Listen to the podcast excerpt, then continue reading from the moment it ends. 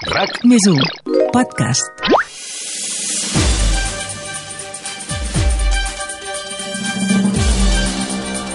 RAC més 1 us ofereix 14F amb Adrià Santa Susanna, la guia pràctica per les eleccions del 14 de febrer amb el suport de la Generalitat de Catalunya.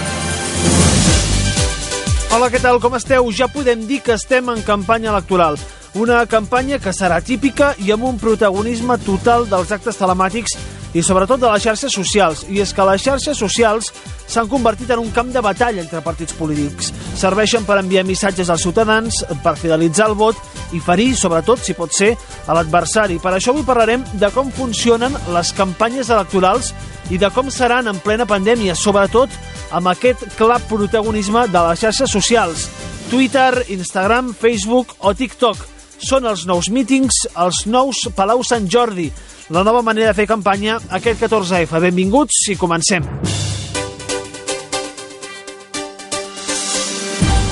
I en volem parlar amb el Xavier Ginesta, és professor titular de la Universitat de Vic i analista polític. Xavier Ginesta, com estem? Què tal? Bon dia.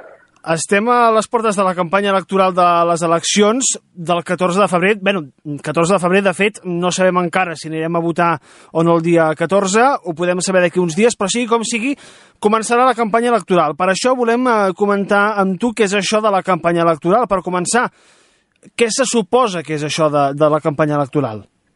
Doncs bé, la campanya electoral històricament és el moment, els 15 dies o el període previ en unes eleccions en el qual els candidats han exposat els seus programes electorals. Això diríem que és la, la, la definició canònica. El que passa que sí que és veritat que jo crec que l'audiència ha de saber que en la mesura que les nostres societats s'han fet cada vegada més mediatitzades i per tant que els mitjans de comunicació han tingut més força i han tingut més impacte en la política, els partits han entrat en allò que els experts en diuen una campanya permanent. I això vol dir que durant els quatre anys que dura una legislatura, en el nostre cas, doncs eh, els mitjans de comunicació i els polítics permanentment estan pensant més en com reeditar els seus resultats electorals o com millorar-los que no pas en fer polítiques públiques. Clar, ha, ha perdut sentit, no?, una mica la que és la campanya electoral, perquè si abans, doncs, eh, fa anys, sí que es tenien en compte molt aquests 15 dies per fer arribar el missatge al ciutadà i explicar el programa, etc. i ara constantment això s'està fent cada dia, té sentit aquests 15 dies de, de campanya electoral?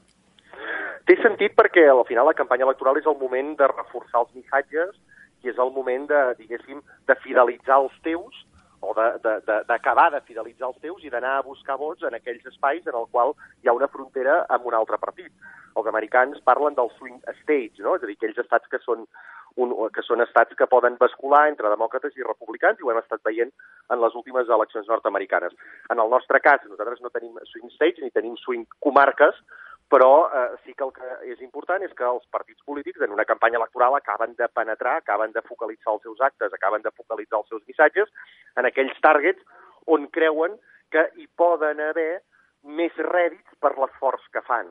Clar, parlaves això de reforçar el missatge. Per tant, aquesta campanya eh, electoral, en una campanya electoral en general, eh, eh, el que es vol és això, no? doncs reforçar el missatge cap al ciutadà.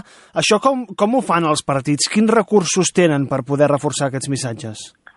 A veure, de recursos n'hi ha hagut de molt clàssics i jo que he estat al Centre de Documentació Política que ens hem dedicat a analitzar eh, a recursos comunicatius clàssics com era el cartellisme, com eren els eh, pamflets, com eren, les, eh, com eren les, eh, els fulletons que els partits enviaven als seus militants, doncs evidentment això és el que històricament s'havia fet, llavors van arribar, doncs evidentment, tant la ràdio com la televisió ens va posar sobre la taula, doncs com sabem, diferents spots que hi han hagut en campanya electoral, però també, doncs, evidentment, tots els programes d'informació política que han ajudat a reforçar determinats missatges, però, evidentment, avui en dia una campanya electoral no la podem eh, deixar eh, al marge de tenir en compte l'entorn digital.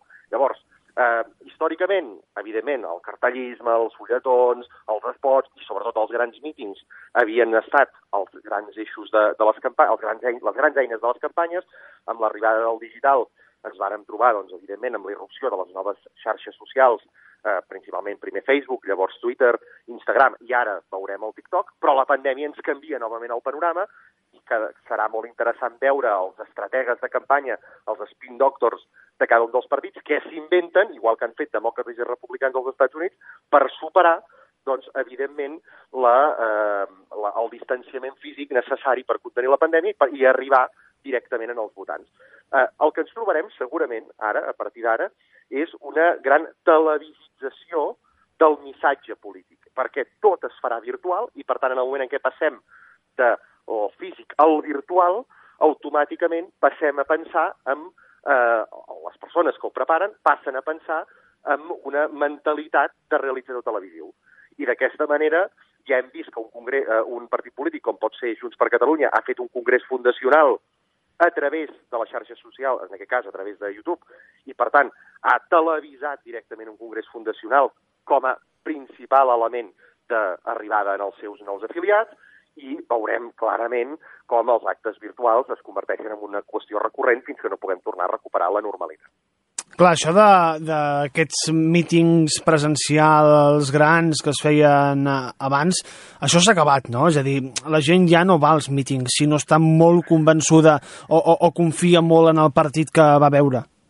A veure, tant tu com jo hem cobert mítings de campanya... Sí, eh, masses i tot, diria, a vegades. Segurament més que jo, Uh, però jo n'he cobert uns quants i saps perfectament que els grans mítings de campanya uh, ja, ja des de fa temps hi anaven només els, els fidels, no? i per tant eren espais de reforçament de la identitat del partit i per tant espais en on aquest reforçament de la identitat del partit es, es, es, es uh, complementava amb la possibilitat del candidat d'emetre un missatge que posteriorment era mediatitzat, sobretot per televisió, per la premsa i per la ràdio, però evidentment els grans mítings de campanya saps perfectament que el candidat marcava el seu ritme del discurs en funció de quin moment li punxaven la càmera per entrar en directe al telenotícies, en molts casos, no? Sí, sí. Llavors, eh, tot això jo crec que tornarà quan la campanya eh, torni a fer-se en una situació de normalitat postpandèmia, però mentre tinguem aquesta pandèmia a sobre, jo no vull especular quan acabarà, doncs jo crec que la,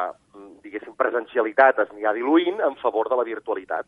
I en el marc de la virtualitat apareixerà la necessitat de pensar permanentment els actes de campanya en llenguatge televisiu. Qui millor sàpiga utilitzar els recursos del llenguatge televisiu, més avantatge competitiva tindrà durant la campanya permanent en què estem immersos en la política contemporània. A, a, a, de seguida amb el tema de les xarxes socials, perquè m'interessa molt, però a, abans estem acostumats a campanyes amb, amb molt poc programa electoral. És a dir, el programa electoral actualment eh, compta, la gent se la mira realment, perquè, com a mínim, pel que podem veure els periodistes, que cada campanya electoral ens llegim els programes electorals, cada cop és més senzill, amb menys concrecions, etc.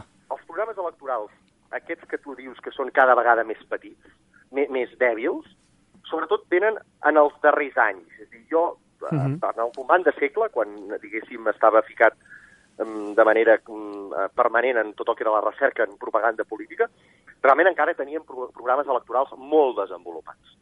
I el que t'haig de dir és que la gent no se'ls llegia. I llavors el que es feia era una síntesi del programa electoral que es convertia en un argumentari que s'enviava tant a la militància com s'enviava, diguéssim, cap a l'exterior. Per tant, la gent històricament ha votat no llegint-se un programa electoral, ha, ha votat llegint-se un argumentari. Però els programes electorals existien. El que sí que és veritat és que amb el temps, i per tant, la mesura que, que hem anat avançant al, al segle XXI, també perquè la comunicació cada vegada s'ha transformat més en una comunicació de titulari de 140 caràcters, el programa electoral definitivament ha deixat de tenir importància. Podríem plantejar quins elements de conjuntura poden haver portat això a Catalunya. Però el que sí que està clar és que en la mesura que nosaltres tenim un consum de mitjans de comunicació cada vegada més extens, els programes electorals deixen de perdre importància, deixen de tenir importància per ser. Anem al tema de les xarxes socials. Els partits catalans saben utilitzar-les, les xarxes socials? Home, jo eh, crec que sí, perquè evidentment els partits catalans tenen molt bons eh, spin doctors al darrere, i crec que bastant tots, eh, i sobretot perquè els partits eh, catalans, eh, alguns d'ells han tingut una clara, clara voluntat de mirallar-se amb el model americà eh, que ho fan molt bé.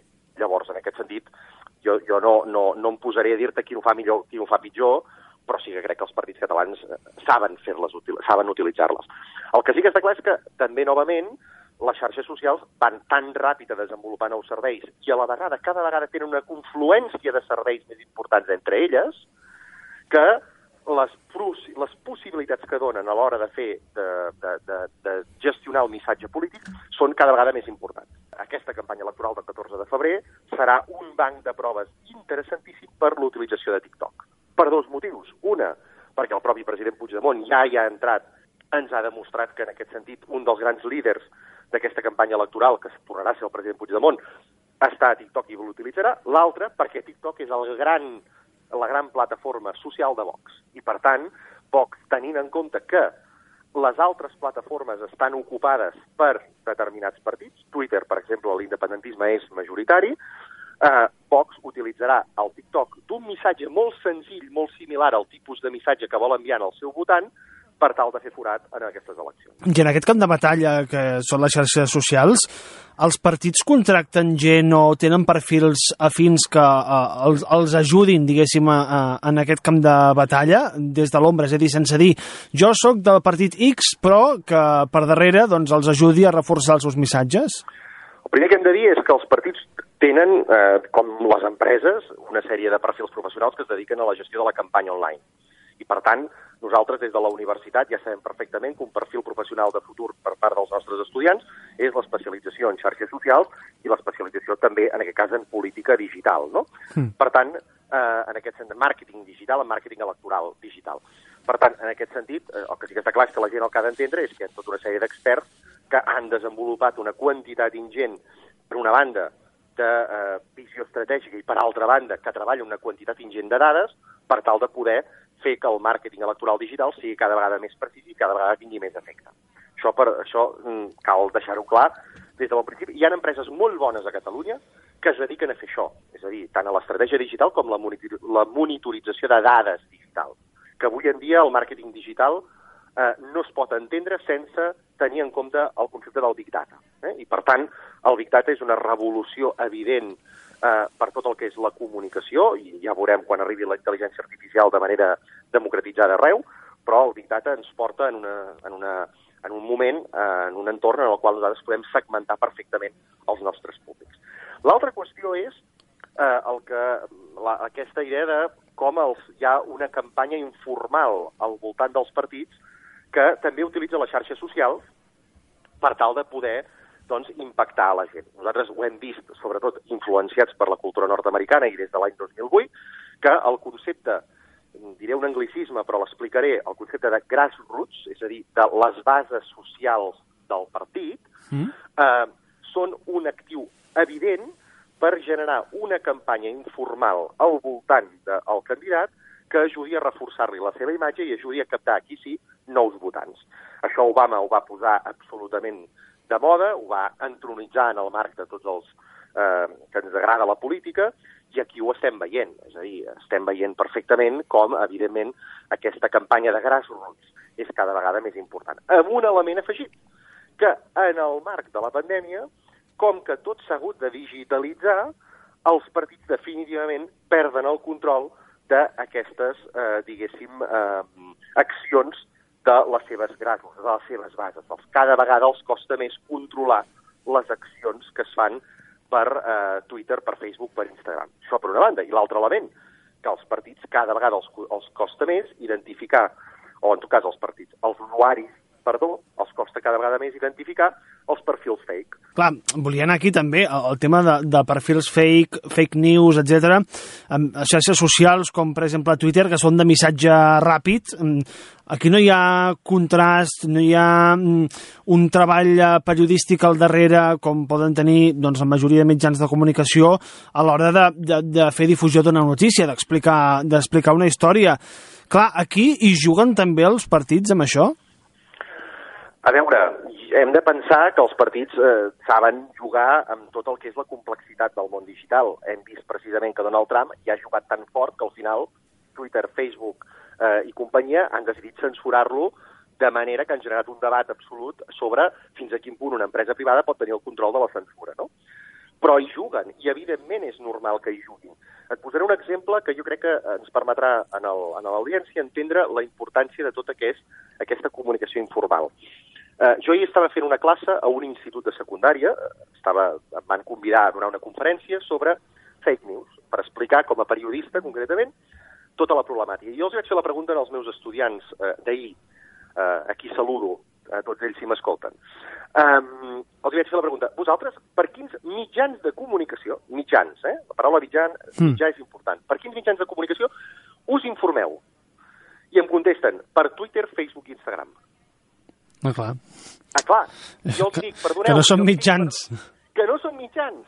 Dic, això són canals de comunicació. I la- l'audiència ens entendrà ràpidament. Un mitjà de comunicació és com rac un espai on principalment hi ha una redacció que funciona a través d'unes rutines i una deontologia, no? que Mhm. permet contrastar la informació. Eh, però a, a Facebook, a YouTube, eh, eh, diguéssim, a, a Instagram el que hi ha és una producció de contingut democratitzada al màxim, en el qual l'usuari és absolutament autònom a l'hora de crear aquest contingut. Per tant, no hi ha aquest procés de de contrast de la informació, que és l'essència de la nostra feina periodística, teva i meva, també, no? Sí, sí. Eh, a partir d'aquí, quan l'audiència jove, que serà votant d'aquí un any, perquè aquests estudiants tenien 17 anys, eh, l'audiència jove confon el concepte mitjà pel concepte canal, a partir d'aquí ens prestem definitivament a que puguem jugar aquesta ambigüitat a l'hora d'estructurar missatges més o menys versemblants en cada un dels suports. Déu-n'hi-do. Eh, I ja per acabar, eh, professor Ginesta, com ho podem fer per intentar no caure en aquests paranys que ens posen els partits i perquè quan arribi el 14 de febrer o quan haguem de votar per correu o el que sigui, ho puguem fer amb una opinió pròpia i escollir, doncs, segons el que ens sembli nosaltres, a qui votar. jo la recomanació que faria a la nostra audiència, informeu-vos per més d'un canal de comunicació. És a dir, no només consumim Twitter, sinó que a través de Twitter puguem arribar a consumir, doncs, evidentment, el, el podcast que estàs fent tu de rac eh, que puguem arribar a consumir inclús productes de la competència de rac per veure si hi ha inclús algun analista que és diferent i que puguem llegir dos o tres mitjans de comunicació, dos o tres diaris d'ideologia, edi- de, de línia editorial, perdó, eh, diferent. Perfecte, doncs uh, Xavier Ginesta, professor titular de la Universitat de Vic i analista polític, uh, moltes gràcies per uh, compartir la teva expertesa en, uh, en aquests camps de, de la comunicació política i les xarxes socials i fins la propera estem molt atents de, de com vagi aquesta campanya a les xarxes. Moltes gràcies per convidar-me i ja sabeu que qualsevol cosa a disposar. Doncs ja ho heu vist, informeu-vos bé per evitar que us en passeu fake news i recordeu que no tot el que veieu a Twitter, Facebook, Instagram, TikTok o la plataforma que sigui són notícies verificades i contrastades. Al proper programa, tema interessant, com es financen els partits polítics. Parlarem de quins diners reben els partits, si són públics o privats i de si això pot condicionar o no les polítiques i el programa electoral d'un govern i d'un partit. Gràcies per la confiança i salut.